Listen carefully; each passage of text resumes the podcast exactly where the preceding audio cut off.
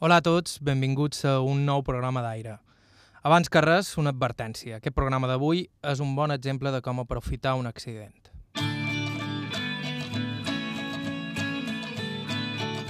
Vos cont un poc eh, la meva vida. Eh, quan arrencàvem aquest nou espai a IB3 Ràdio, hereu del programa televisiu ja anomenat Aire i que podeu trobar a la televisió a la carta, la idea era enregistrar cançons de camp i música folclòrica cantada o interpretada per gent major que l'hagués après en el seu ecosistema, les illes preturístiques. Una de les primeres persones amb qui vaig contactar era Joana Domanja, Sí, digueu. Hola, Joana, com estem? Hola, Joan, com va? Va bé. La Joana ja havia col·laborat en la versió televisiva d'Aire i ens havia posat en contacte amb grups de ball de bot del llevant de l'illa de Mallorca, on s'han conservat les mateixes i el ball és més violent i espontani. I jo recordava que ja llavors m'havia parlat d'una dona major de Sant Llorenç d'Escardassà, el seu poble, coneixia moltes cançons de Chimbomba. La idea era poder gravar aquestes cançons, però el primer que va fer na Joana va ser posar-me en un compromís. Coneixia un home de Palma anomenat Joan Bonnin que recitava un poema de memòria de manera excepcional.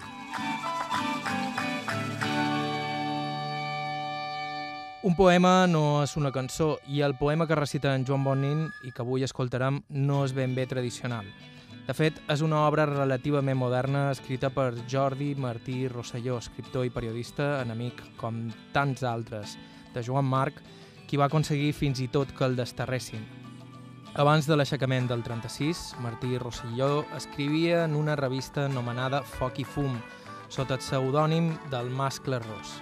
Es tractava d'una revista satírica on el mascle ros es despatxava en la fauna de l'època i per alguna estranya raó que ni ell mateix sap explicar, Joan Bonnin es va aprendre un dels seus poemes, que recita cada cop que li demanen, convertint cada recitat en un petit aconteixement.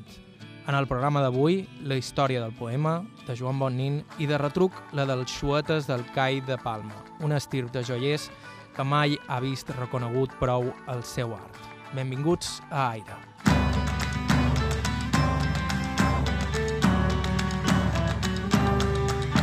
Som a Palma, al carrer de l'Argenteria, just al vell mig del centre de ciutat, a tir de Pedra de Cor, Sant Francesc i Santa Eulàlia, l'epicentre del que un temps va ser el cai jueu.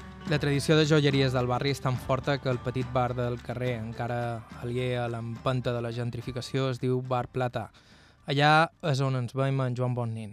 Eh, podem començar conversant i us faig uh, un parell de preguntes. Joan, eh, com, eh, me podries dir el teu nom complet? Joan Bonnin Valls, I, i quan vas néixer?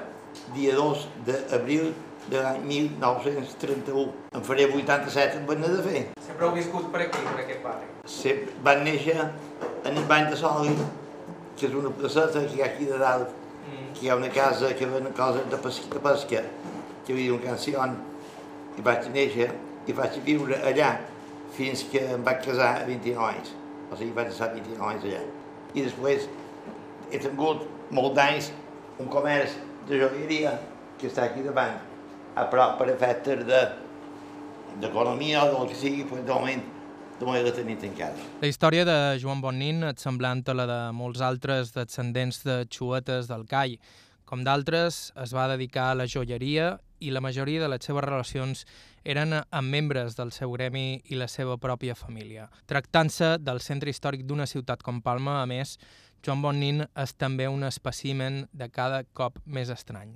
Algú que va néixer i ha viscut tota la seva vida en un territori d'uns pocs quilòmetres. Aquesta és la veu de Joana de Monja de nou. I els vostres pares també ja vivien a Palma, tot. Tant No, són els pares... pares, els meus pares vivien, els meus pares vivien, mon pare a la placeta aquesta d'aquí a prop, que deia la placeta de Rastrillo. I en aquesta placeta abans hi havia un quiosco i després també hi havia una, un sòtano que allà hi passava trens mercancies, un tren que duia des del moll fins a la plaça del tren i, i recorria per, per baix de, de ciutat i, i anava per, anar, passava per allà.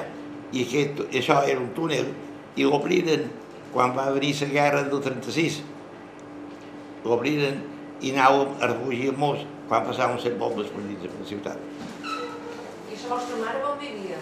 Ma mare vivia a Bansol i també de Banca Nostra, Ah, és a dir, que sou ciutadana 100%. 100%. Vivíeu res, en un rodol d'igual... Eh? Igual en un quilòmetre quadrat. Sí, amb un quilòmetre quadrat, tots la família, meus abuelos, tot. El meu abuelo era, el pare de mon pare, el pare de mon pare era uh, fuster, i la seva especialitat era fer Escoltes.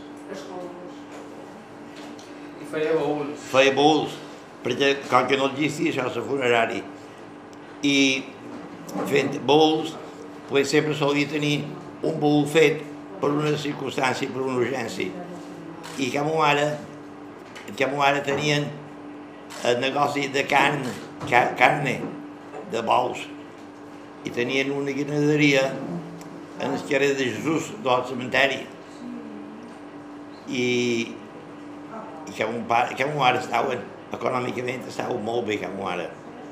Que mon pare era més, més una casa més senzilla, perquè mon mare sí que estaven bé. I vivien, que mon mare vivia en Banda Soli. En Joan es mou de ganes de recitar el seu poema. De fet, assisteixen en aquesta trobada alguns dels seus fills. Segons ell, cada cop que el recita diu que serà el darrer, i aquest és probable que ho sigui. Però jo insisteix que en demanar-li detalls del seu ofici de joier, com el va aprendre i com ha canviat al llarg dels anys. Mon pare feia feina eh, a una casa que tenien una joieria que era Miquel, que li deien Can Rua. Feia feina sobretot en coses de plata, de plateria. Sobretot en coses de plateria. I que ma mare no. Que ma mare tenien... No, no, no feia feina gemàntica, que ma mare. Era, era en una casa més, més acomodada. Més, més. No havien de menester fer feina. No, no. Ma mare era germana de set, set germans, i mai feren feina. O sigui, l'únic que feren era dur la manta posada quan sortia pel carrer, acompanyada d'una criada, que ma mare, sí. Era, era l'única feina que tenia. Sí, sigui, era, e- e- e- era, un, era una casa senyora, casa que tenien, tenien els domassos penjats quan eh, passava, quan era per la polícia, pues, eh, tenien els, eh, els marcos de, de, de, de, de miralls grossos, tenien els canteranos, aquests bombats, en fi, era una casa bastant acomodada mare. I que mon pare no, que mon pare era més senzill. Eh, com que jo sabia fer molta feina de joier, pues sabíem anar feina en els treballadors i, i sabíem manejar, sabia, jo tenia bastant de dibuix, jo era bastant bon dibuixant. I, Fèieu les vostres pròpies joies. sí, sí, i feia jo els meus dibuixos, els meus dissenys. Eh. Eh, Deu va canviar molt el món de la joieria. Com, com era abans? Quan Hombre, vareu començar? claro, jo que vaig començar a 13 anys a fer feina de joier i em va fer fins a 72. O sigui que vaig fer 59 anys de feina de joier. Us devia agradar. M'agradava, clar, que m'agradava. 59 anys, i 13 són 72. I ara que en tinc 80, que 87, fa 15 anys que estic jubilat. O sigui que ja, ja costa bastant a la, a la seguretat social. I, I que, record, que us agradava de la feina de joier? Quan vareu començar, Què m'agradava? Pues m'agradava fer els meus dissenys, m'agradava fer les meves joies personals, m'agradava quan havia de menester una joia o fer un regal a la meva dota, a la meva dona, per als cants, pues m'agradava el dibuix que fos meu, fet meu, i, i fet meu, no tan sols, o sigui, pintat meu, fet meu, venut meu i arreglat meu. Jo era més joier que mon pare. Més bon joier això que pare. Molt. El tenia bo, el tenia bo de fer perquè, perquè jo, perquè jo era dibuixant. Era dibuixant, m'agradava dibuixar-les, m'agradava fer modos, jo feia modos, jo feia dibuixos, I és aquí on la conversa en Joan Bonin dona peu a parlar de dos temes més amplis, un d'ells relativament desconegut. Diria que sorprenentment desconegut, així com els vestits de la pagesia a Mallorca han estat llargament estudiats i reivindicats, és molt complicat trobar bibliografia sobre la joieria tradicional a l'illa, A Eivissa, per exemple, les joies, sobretot les brandades, han estat objecte d'estudi i fins i tot de revisions més contemporànies. Però què passa amb la joieria a Mallorca? És aquí on entra la veu de l'experta Elvira González Gozalo, coautora d'un dels pocs llibres sobre la matèria. Toda Mallorca se atribuye, es verdad, ¿y por qué no? Eso se, llama- se habla de joyería mallorquín, pero realmente los orfebres, el artífice, eh, el que se conoce, el que se ha perpetuado es el artífice de nuestro CAI, del CAI de Palma. I precisament aquesta és una altra història important en aquest relat d'avui, la dels xuetes de les illes en general i la dels xuetes del cai jueu de Palma en particular. Un grup de persones que varen haver de renunciar a la seva religió o ocultar directament el seu credo i que varen aprendre a viure amb la por constant a ser objecte de represàlies. la definició de xueta serien descendent de jueu conversos.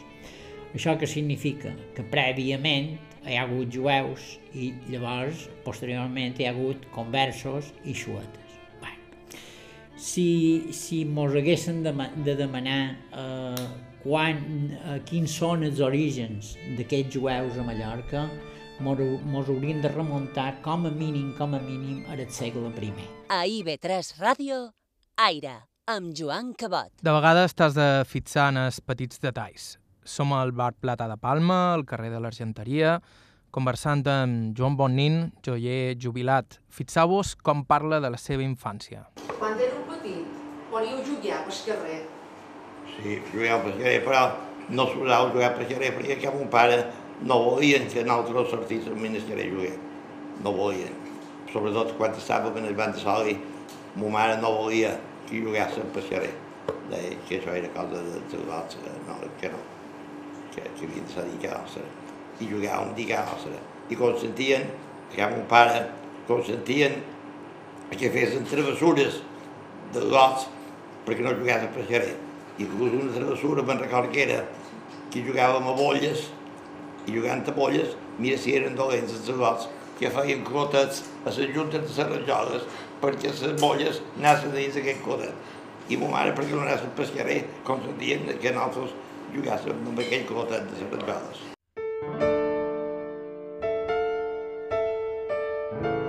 Principi no li vaig donar cap importància, però després Joan Bonnin va repetir això de que no el deixaven jugar al carrer una altra vegada i se'n va encendre un llumat. Com era la convivència eh, amb els jueus en el carrer? Jo això no me'n recordo, perquè jo era molt jovenet.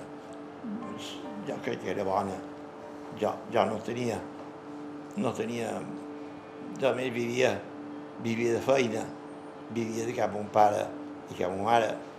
Jo anava a fer feina de dia, a hores baixes m'anava a aprendre a dibuixar, m'anava a Belles Arts, a l'institut, a l'institut molt lluny, que hi havia escola de Belles Arts.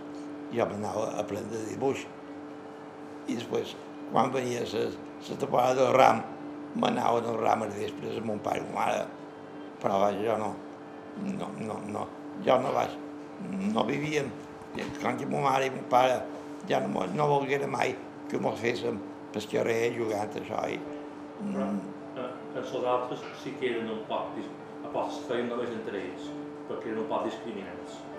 sí, però nosaltres no, no mos fèiem a ningú, no, no mos fèiem, no. Me'n recordo que una vegada, jo anant a dibuix, anant a Belles Arts, vaig fer un dibuix i quan vaig, vaig fer que vaig fer el dibuix em vaig embolicar perquè el professor em va dir ja te'n pot dur a teva, ja està llest, ja ha quedat molt bé. Em va dur i, i ho va mostrar un companyero meu i, de, de dibuix. Dic, mira què he fet, mira el dibuix meu. I el malparit, perquè pues, era un malparit aquest pipo, pues, va mirar el dibuix i quan ho va veure em va fer quatre bocins i em va dir sabeu que és un dibuix, un dibuix fet per un jugador.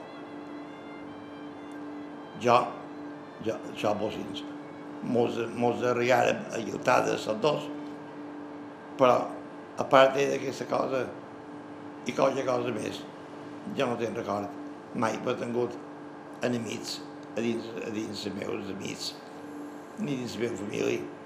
No, no. I no creus que en part igual la vostra mare no us deixava tampoc baixar molt pel carrer? Perquè no els insultassin, pot ser. Pot ser, perquè m'ho insultaven. Però vos van casar també Amb una cosina. amb, amb una cosina vostra que també era xuleta. Claro, claro. vos hi van fer casar, No, no, no, no, no, no. o vos van casar... No, no, no, no, no, no. No. Per voluntat meva, propi. És a dir, si per què s'ha volgut casar amb un altre que no era estat què s'han deixat casar que vostre? Segons, eh, segons on n'haguéssim anat. Aquí sorprèn, sobretot, la naturalitat en què Joan Bonin assumeix un exemple de discriminació que avui en dia ens semblaria completament inconcebible. Una discriminació que el poble jueu i els xuetes mallorquins duen gairebé gravats a l'ADN. Els xuetes, perquè la resta de població, la resta de mallorquins, veiés que no practicaven el judaïsme, resulta que feien matances a les carrers de Sargenteria, mataven un par... mataven, perdona, uh, mataven un parc, però la sobrassada que feien no era de can de porc, era la que menjaven, menjaven davant la gent sobrassada, però resulta que havien fet la sobrassada en can de vaca.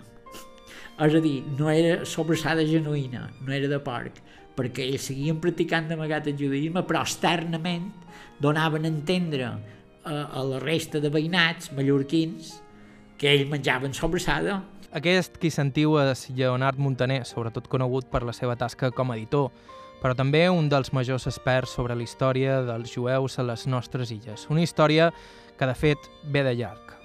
Cap a l'any 70 i cap al 123 hi ha una ègira, és a dir, una diàspora, per dir-ho d'alguna manera, de jueus eh, que provenen de, de les costes del Mediterrani Oriental, hi ha una ègira d'aquests jueus cap al Mediterrani Oriental i Occidental, és a dir, distintes comunitats jueves ocupen a les ciutats més importants d'aquests indrets. El 417, eh, un bisbe eh, que viu al nord d'Àfrica, eh, passant per Roma, eh, anant a Roma, passa per Balears. Eh, bueno, nosaltres sempre som una mena de com a plataforma per moltes de coses, no?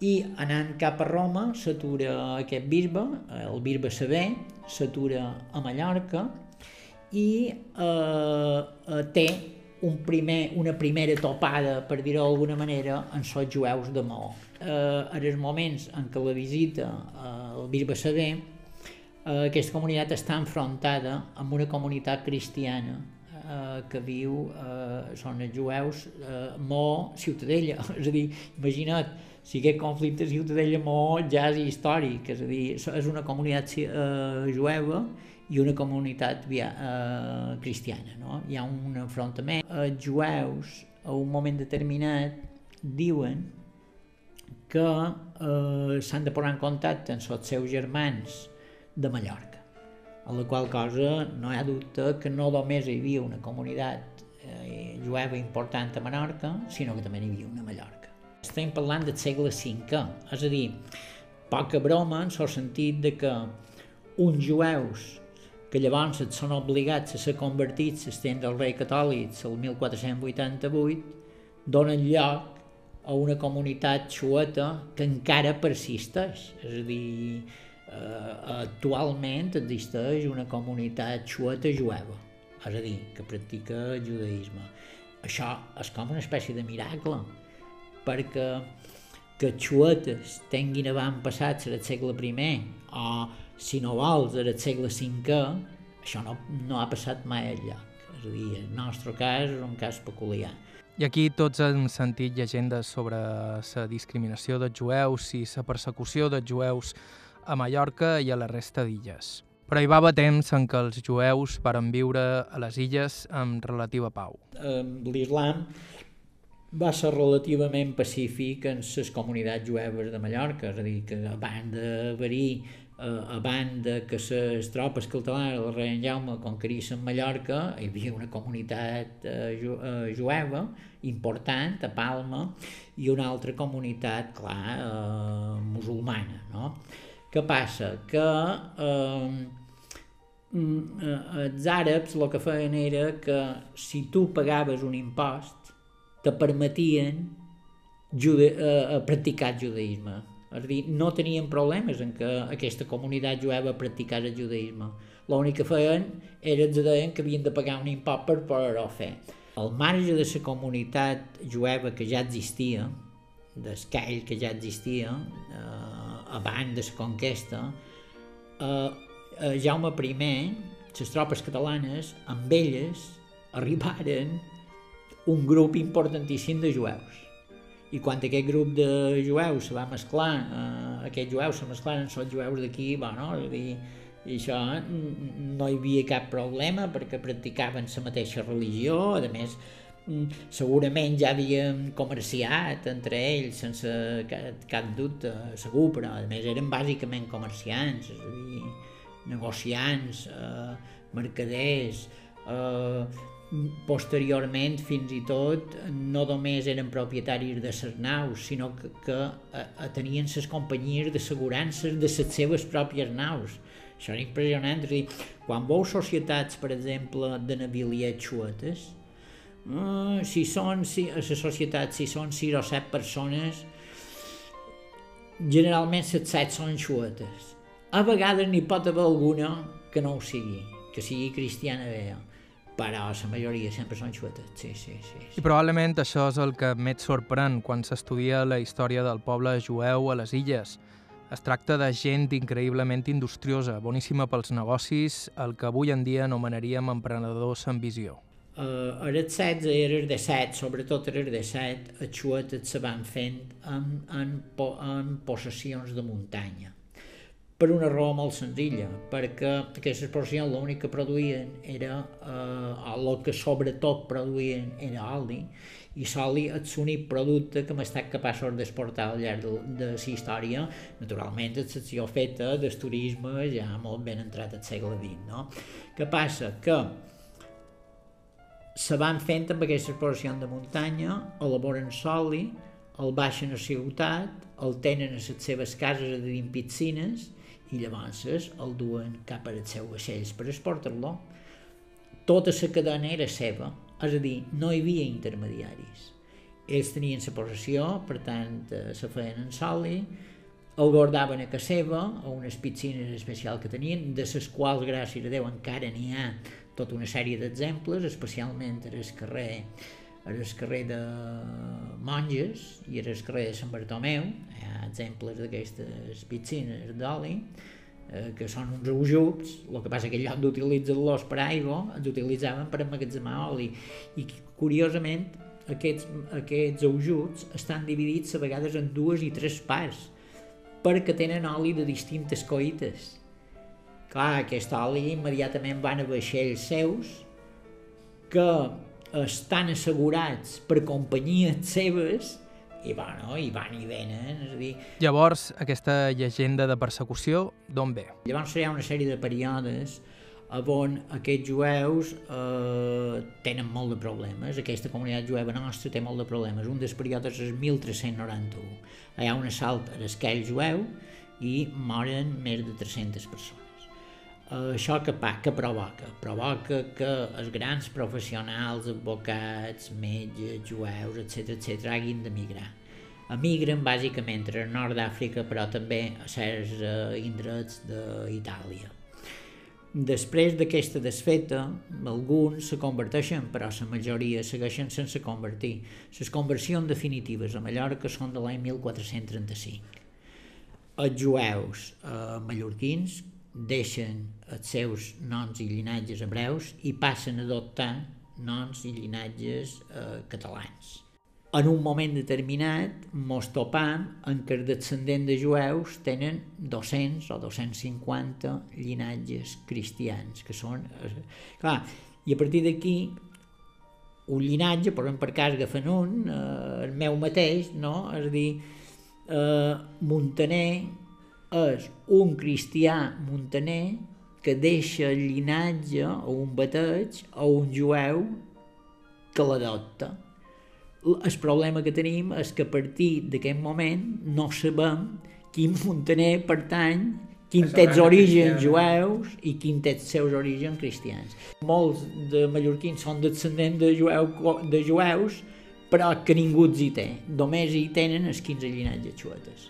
I això és una ironia de la història de Mallorca. És a dir, Ironia de la història de Mallorca precisament consiste, una de les ironies més importants a nivell de lo social consisteix en això. Tornem al Bar Plata i a Joan Bonin, que insisteix en recitar-me un poema un tan maliciós de l'època. Uh, vosaltres fixats són noms que jo diré i veureu que són noms d'apellidos mallorquins. Deia, vaig néixer a Som Fuster i a Som Fortesa. De petit era bon nin i de gran me feren fusteret, fuster. Per refresc bevia pinya i sempre duia un blotet de tarongi a damunt la sugapa, a damunt la lapa. Quan va estar a dalt, van anar a cercar Nequiló. Però, com que la mort tan segura, que vaig morir de picó.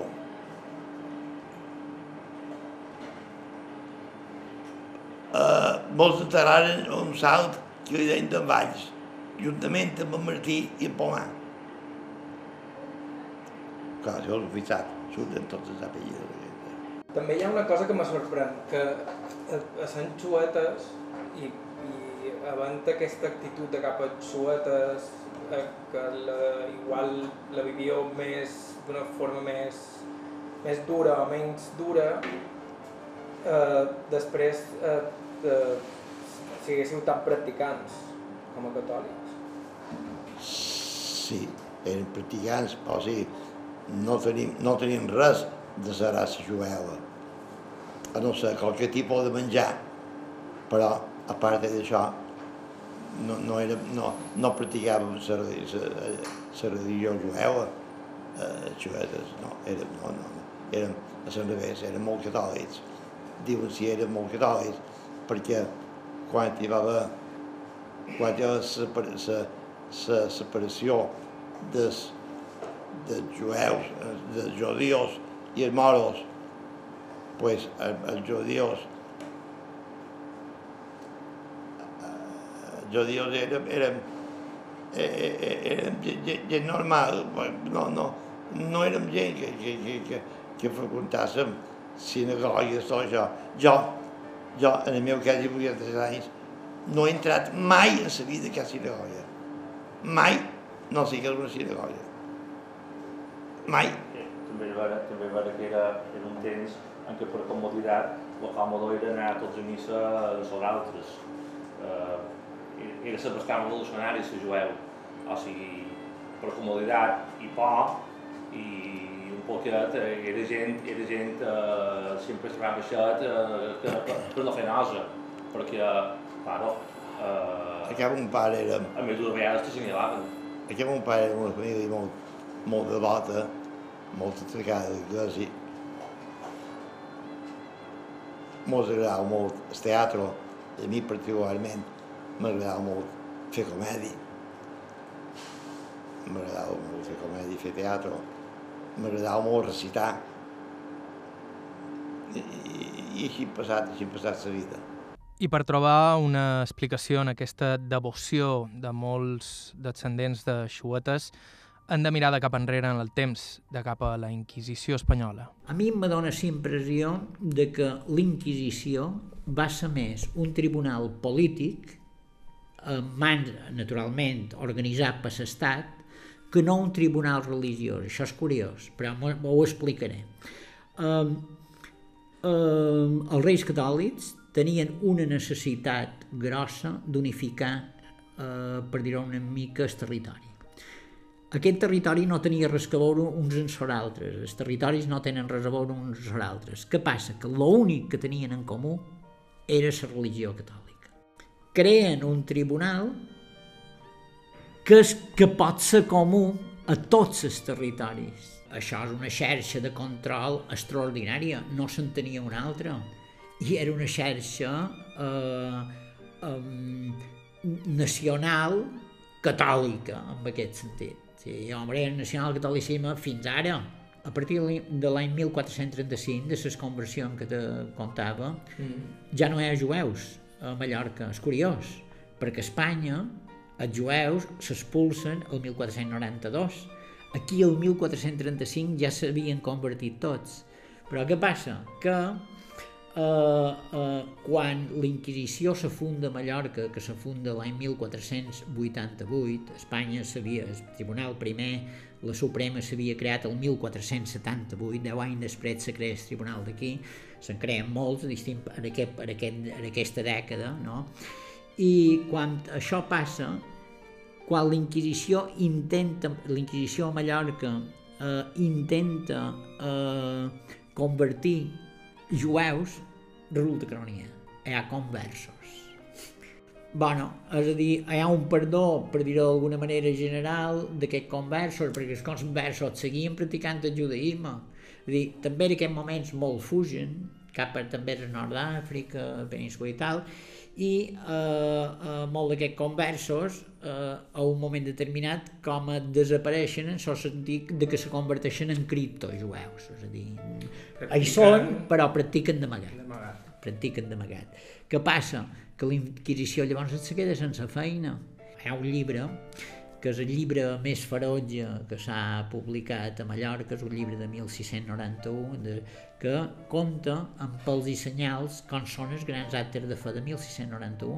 Tenen en compte que hi va haver quatre grans actes de fe i que mm, l'Inquisició va, va matar eh, això també és molt curiós, eh, els càstigs de la Inquisició, va, va donar volta de garrot a un, a, més, a un munt de persones, a més, cent i pico, i, i, i a més de volta de garrot en va cremar tres de viu en viu, és a dir, estem parlant de 1691.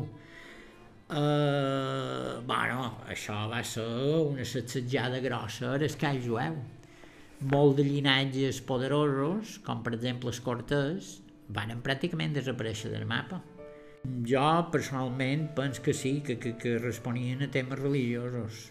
Per tenir, per tenir, el que passa que, eh, curiosament, eh, com que pertanyien a temes religiosos, però resulta que els practicants d'aquesta religió eren rics. Els xuetes van haver d'aprendre a sobreviure en un entorn hostil, on sovint qualsevol revolta popular era l'excusa per embestir cap al call. Clar, en el final és com una paranoia contínua sí, i una sí. por eh, superarrelada a que qualsevol espurna faci que venguin a per tu.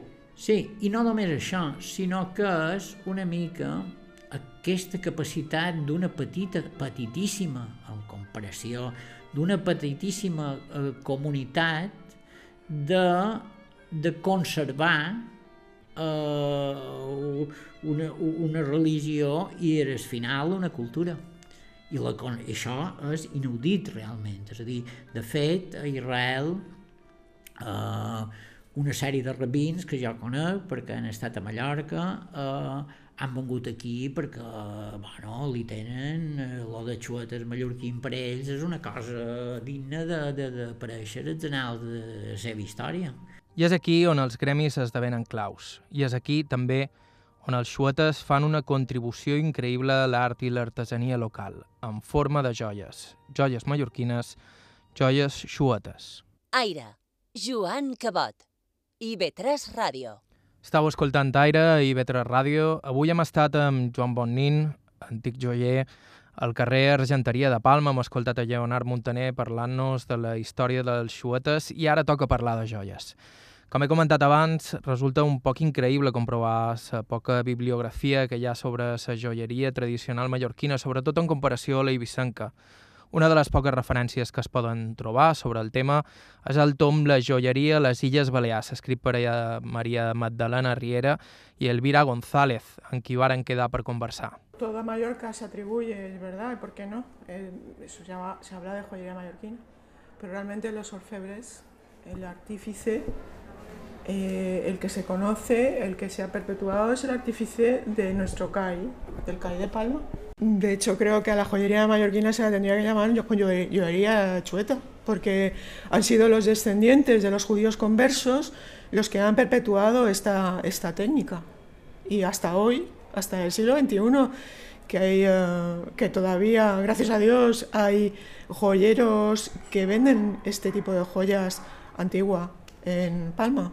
Y de hecho es, es una joyería que se ha perpetuado pues unos cuatro siglos más o menos. La, la de Ibiza es secular en el tiempo, incluso se habla fenicia y, y, y, como continuada ¿no? en todos esos siglos, pero nosotros, la joyería que nos ha quedado mallorquina y concretamente de Palma actualmente, es joyería que es verdad que repite modelos, patrones, sobre todo eh, repite botones, repite tal. Y entonces no podemos hablar de, de, una joyería del siglo XVII o del siglo XVI o del siglo XV, ¿no? Estamos hablando de una joyería que vemos ahora que es posible que tenga 400 años o 300 años de vida, pero no, no, no nos podemos remitir a, a, algo más antiguo. La joyería ahora ya es, eh, vamos a ver, no, si estamos hablando de joyería mallorquina, la tradicional, no, no, no la vemos más que en uh, las joyerías de toda la vida, las que se encuentran en la calle de la Argentería, que desgraciadamente van cerrando. Eso es una de las penas que tenemos todos, se pierde patrimonio, no solo con la venta, bueno, la venta si lo acaba comprando alguien que la aprecia, pues bienvenido sea, ¿no? Pero esto que joyerías de toda la vida vayan cerrando, pero no solo en estos negocios, sino en otros muchos, esto es de lamentar. Desde luego Palma tiene una ventaja de que todavía eh, en la calle Artentería y en la calle de, de Colón, pues todavía tenemos eh, buenas, eh, buenas joyerías que guardan eh, de sus antepasados, porque casi todas son eh, herencia de, de, abuelos y herencia de bisabuelos, pues que guardan todavía sus propias colecciones. El carrer de l'Argenteria ha estat fins fa poc el darrer resguard de la joieria tradicional a l'illa. Una curiositat a tots els nivells. Bueno, tu pensa una cosa, pensa que eh, era una mica una rara avis, lo, lo del carrer de l'Argenteria perquè feia moltíssims d'anys que els gremis ja havien desaparegut i això quedava allà incrustat i quedava incrustat pur i simplement per, per, per, per, per la qüestió d'endogàmia que parlàvem i perquè xuetes no se podien mesclar, etc etc. Què passa? Que ara la llàstima és que els argenters vells eh, eh, es cansaven eh, se retiren. Uns joiers artesans, com el nostre protagonista d'avui, Joan Bonin, que recorda com era la palma dels gremis. La ciutat estava dividida per gremis. Estan dividits per gremis. Hi havia el gremi de joiers, que estava al carrer de joieria, aquí. Hi havia el gremi, el carrer de la bateria, que era el carrer del sindicat actualment, i deien el carrer de la bateria, que tots eren sabaters.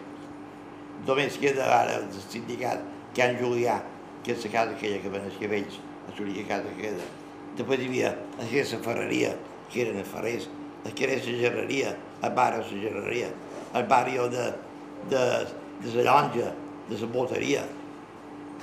Després, aquí a dalt, el carrer de, el carrer de, després de la genteria, el carrer de la, la botzeria, el carrer d'aquí darrere, el carrer d'aquí darrere, que hi ha aquella carnisseria que diu que és separat.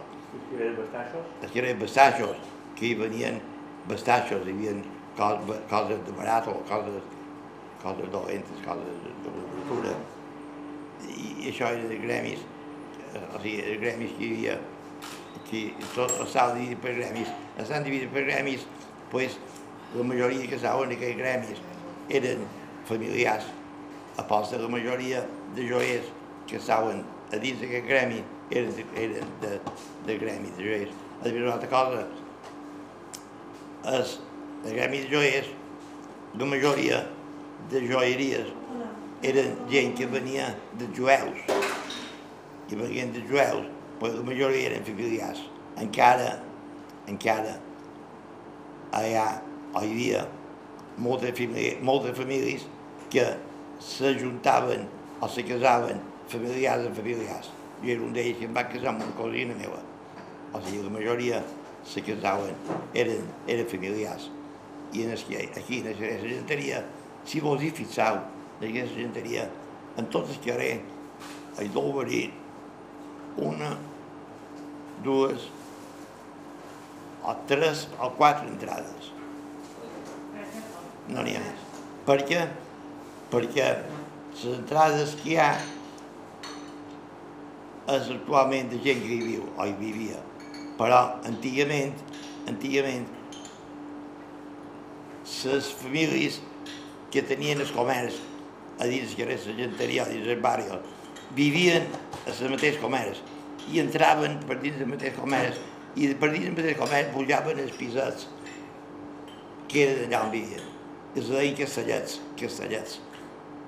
I vivien allà i visquent allà, pues, als migdies per vendre qualque cosa perquè no els afogís el client, pues, no, no s'anaven a dinar a fora, quedaven, un quedava fent guàrdia a baix, a dins la botiga, i els altres pujaven al pis a dinar. De hecho, creo que a la joyería mallorquina se la tendría que llamar yo- joye- joyería chueta, porque han sido los descendientes de los judíos conversos los que han perpetuado esta, esta técnica. Y hasta hoy, hasta el siglo XXI, que, hay, eh, que todavía, gracias a Dios, hay joyeros que venden este tipo de joyas antigua en Palma que en todo el Mediterráneo no hay mejor joya que la de Mallorca. Muchas veces se la ha confundido con joyería siciliana. Por eso ya nos pusimos a reivindicar entre Madalena y yo en este libro que realmente pues existía una joyería importante, que era la nuestra. Llavors, si la nostra producció joiera era tan important i tan excepcional, com és que s'ha estudiat tan poc? Com és que, per exemple, coneixem tan bé les joies eivissenques i tan poc les joies mallorquines? La joyería vivicenca, excelentemente estudiada por Marilena Mateu, y además hace bastante más años que, la, que, nuestro, que nuestro libro, creo recordar por los años 80, eh, pues tiene, tiene la ventaja de ser joyería popular. La nuestra no. La nuestra además, eh, como siempre, reivindicando pues una fe, que es la fe católica. O sea, que tenemos esa, esa paradoja, que los descendientes de los judíos conversos, los chuetas, son los que se dedican al hacer, a hacer una joyería vinculada a, la tradición católica y a la devoción católica. Quizás por eso no ha tenido una revisión, como tú me cuentas ahora, como la Ibicenca, que ha tenido una doble lectura, o ha tenido, pues quizás ahora artistas contemporáneos la hayan utilizado para otras cosas. La nuestra siempre ha estado pues, ha teni- su- sujeta a esa, a, bueno, esa mm, seriedad, formalidad que impone una devoción como es la católica. I és aquí on trobam una altra de les paradoxes de la nostra història d'avui. Pero no solo la cruz de Malta, sino la cruz de dicha de Calatrava, cuando realmente no es la cruz de Calatrava, es una cruz de Santo Domingo. La cruz de Santo Domingo se confunde con la de Calatrava, pero si vamos a ver estas cruces de Calatrava que todavía están a la venta en muchas joyerías tradicionales de Palma, si nos fijamos bien, tiene las ranuras en la cruz que servían para incrustar eh, dos, tipos de, dos tipos de esmalte, el esmalte blanco y el esmalte negro, que es el característico de la cruz de Santo Domingo. Se vuelve a dar la paradoja, que es la que hacen eh, los eh, joyeros mallorquines, reproducen esa joya, esa, esa cruz, la cruz de los dominicos, cuando fueron los dominicos los que presidían los tribunales de la Inquisición. Volvemos a la paradoja, se vende en joyerías tradicionales lo- la cruz que eh, era la de la- los dominicos, que eran los máximos perseguidores mediante la Inquisición de, de estos, de estos antepasados de estos joyeros, de los joyeros chuetas.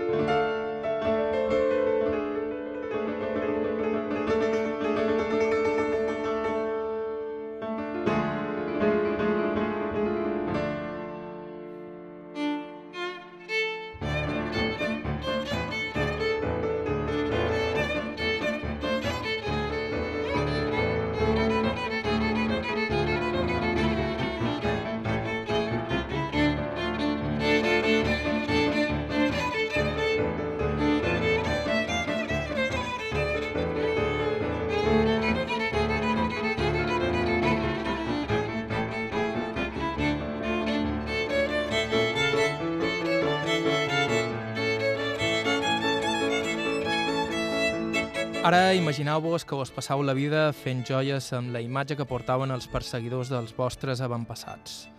Seria possible que la raó per la qual costa tant trobar bibliografia sobre la joieria a Mallorca sigui precisament perquè els seus artesans eren xuetes? Això, per suposat, són conjectures meves. El que està clar, però, és que aquests artesans eren hereus d'una tradició increïble que s'ha anat perdent. Joan Bonnin. Quin gènere se venia abans? Hombre, se venia els cordoncillos, cordoncillos mallorquí, se venien les boclonades, se venien les pulseres de granet, els botons, se venien les cadenes de boleta, les unes cadenes que... Eh? Esquipularis. Capularis, els homes anells de sello, aliances de boda, i avui, avui això no sabem.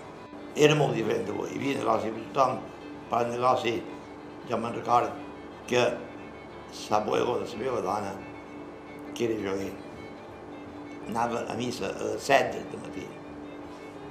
Anant a missa a les 7, després de les 7 ja s'anava a la botiga i ja obria.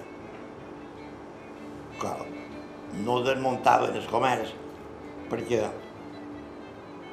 no el desmuntaven perquè, perquè com que vivien allà mateix tancaven la barrera de ferro de dins el comerç i ja no desmuntaven el comerç. I jo, per exemple, hi feia, feia una joia que li deien Isarelina, que era un estil que deien que venia des de, de reina Isabel i se feia muntada en plata i or. O sigui, al damunt se feien de plata i després posàvem una capa d'or, una planxa d'or a baix, la saldàvem i després li dàvem forma amb unes peces que se deien embotidors. I, i, i, i, i això, per exemple, un anell o unes recades, pues això sí durava dos dies. Elvira González. Es que requería, requería, como me cuentan a mí muchos joyeros, requiere, requiere mucho tiempo y requiere mucha, mucha uh, intensidad de trabajo, cosa a la que hoy por hoy nadie, nadie puede ofrecer esa, ese tiempo ni esa cantidad de trabajo para tener una calidad buena y como era en, en otros tiempos. I ara sí, el poema. Vos demano amb humilitat que em poseu atenció i vos donaré relació del que passa per ciutat. Vaig néixer a un poblet petit que Buja és el seu nom, que segurament tothom anomenarà el greu sentit. Un vespre de trons i llans, segons he sentit contar, a llum me van andar i ja van néixer fetes pans. Any de neu i de bruix, però què voleu que faci si va néixer la desgràcia de tenir cor de fuix? Quan era ninet petit, per no res me regirava, que ell sempre plorava i sempre estava mal sofrit. Sempre duia tremolor. De tothom me feia por. I era perquè tenia el cor, això així de petitó. Mon pare estava assustat i el metge em va mostrar. Li va dir, li passarà quan ell canvia d'edat. Molt satisfet va quedar, creient que me curaria, però el que de cada dia la por més m'ha augmentat. Vivia més assustat que un cas sempre em feia tala. Sempre pensava sa mare i sempre anava arrufat, tant si feia fred com sol me tremolaven les mans. Tenia 15 o 16 anys i sols no menjava tot sol. I ja que hem començat, malament siguin coses, vols explicar quatre coses del que hem passat per ciutat. Quan me van fer soldat, deu fer 5 mesos o 6, allò per deixar-me me dugueren a ciutat. Me'n record que els primers dies de susto no estava bo i el que feia més por eren els cotxes i les tramvies. Tot d'una que vaig haver arribat a l'estació ja em vaig agafar tremolor i deia, a on m'hauran d'anar? De la pena me moria quan vaig entrar a la ciutat. I vam anar tot assustat de cap a cavalleria, després de cap a l'escorter. Quan me van mirar i me veren tan ben format que me feien d'artiller. Un cap i un sergent me manaven a Sant Pere i jo just tenia plorera quan va tanta gent. Després me van cridar, me daren roba i sabates i he guiat pep de patates a migdia per dinar. Després que vaig de dinar, un cap vaig per cridar demanant llocs per posar tot el que havien dat, i rient va dir, a vine amb mi. I vam anar a la bateria que una arquilla buida hi havia i va dir, posa-ho aquí. Quan jo veia tant d'artillers que tots se'n reien de jo, només tenia por que qualcú no m'ho prengués. I me digueren vosaltres, està tranquil i res més, aquí ho guarda dels cortelers, aquí ningú toca res, no hi havia pany de maleta, allà dins ho van deixar. I només sé que el cent demà va trobar l'arquilla neta. Això era de bon de matí, quan va voler aixecar, la roba no va trobar i no va poder vestir. Cercant per tots els racons, a veure si la trobaria, i només que tot el dia vaig a les cançons. Quan va veure aquesta mostra, escolta, no em va agradar, i va posar a plorar dient, vull anar a la nostra. L'oficial va pujar, i va mirar un segon, i va dir, con la instrucción de calor se compondrà, que els sons me tornaran a andar, que hi havia més de quatre, i més d'un pa cada sabata d'allargar-hi va sola. Volen d'aquella manera, ningú em pugui sofrir, tothom se'n reia de mi, i jo tenia plorera. També m'ha partit de prop el dir barres de lotes, que amb aquelles sabatotes pareixia xalot. Amb un quant de mig un dia va sortir a passejar i tothom em veure passar rei força les manies, sempre allargant la mirada i amb veure cotxe o tramvia feia tot el que sabia per entrar dins qualque entrada. De susto feia les clars quan la bocina es sentia i vaig arribar que tenia els colzos i els genolls plegats. Amb un quant de mig d'un dia vaig sortir a passejar i tots se van empenyar en com cas un tramvia. I jo deia, no el lliuré. I tots deien, no és perillós. I jo per no agrivar l'os no agravia el gos, va dir, ja queré. Mos preparàrem allà, arran de la via. En fèrem un que venia i ho fèrem aturar. Quan jo vaig anar a pujar, que vaig llegar la passa, una senyorota grassa sortia per davallar. Jo vaig tornar un poc darrere i de terra em va mirar. És que no podia passar, pegava cada vorera. Vol dir que vaig trufar, veure aquella senyorota, una panxota, tan ampla com d'aquí allà. Provava de davallar i anava malament. I jo, per ser dicient, vaig a donar-li la mà.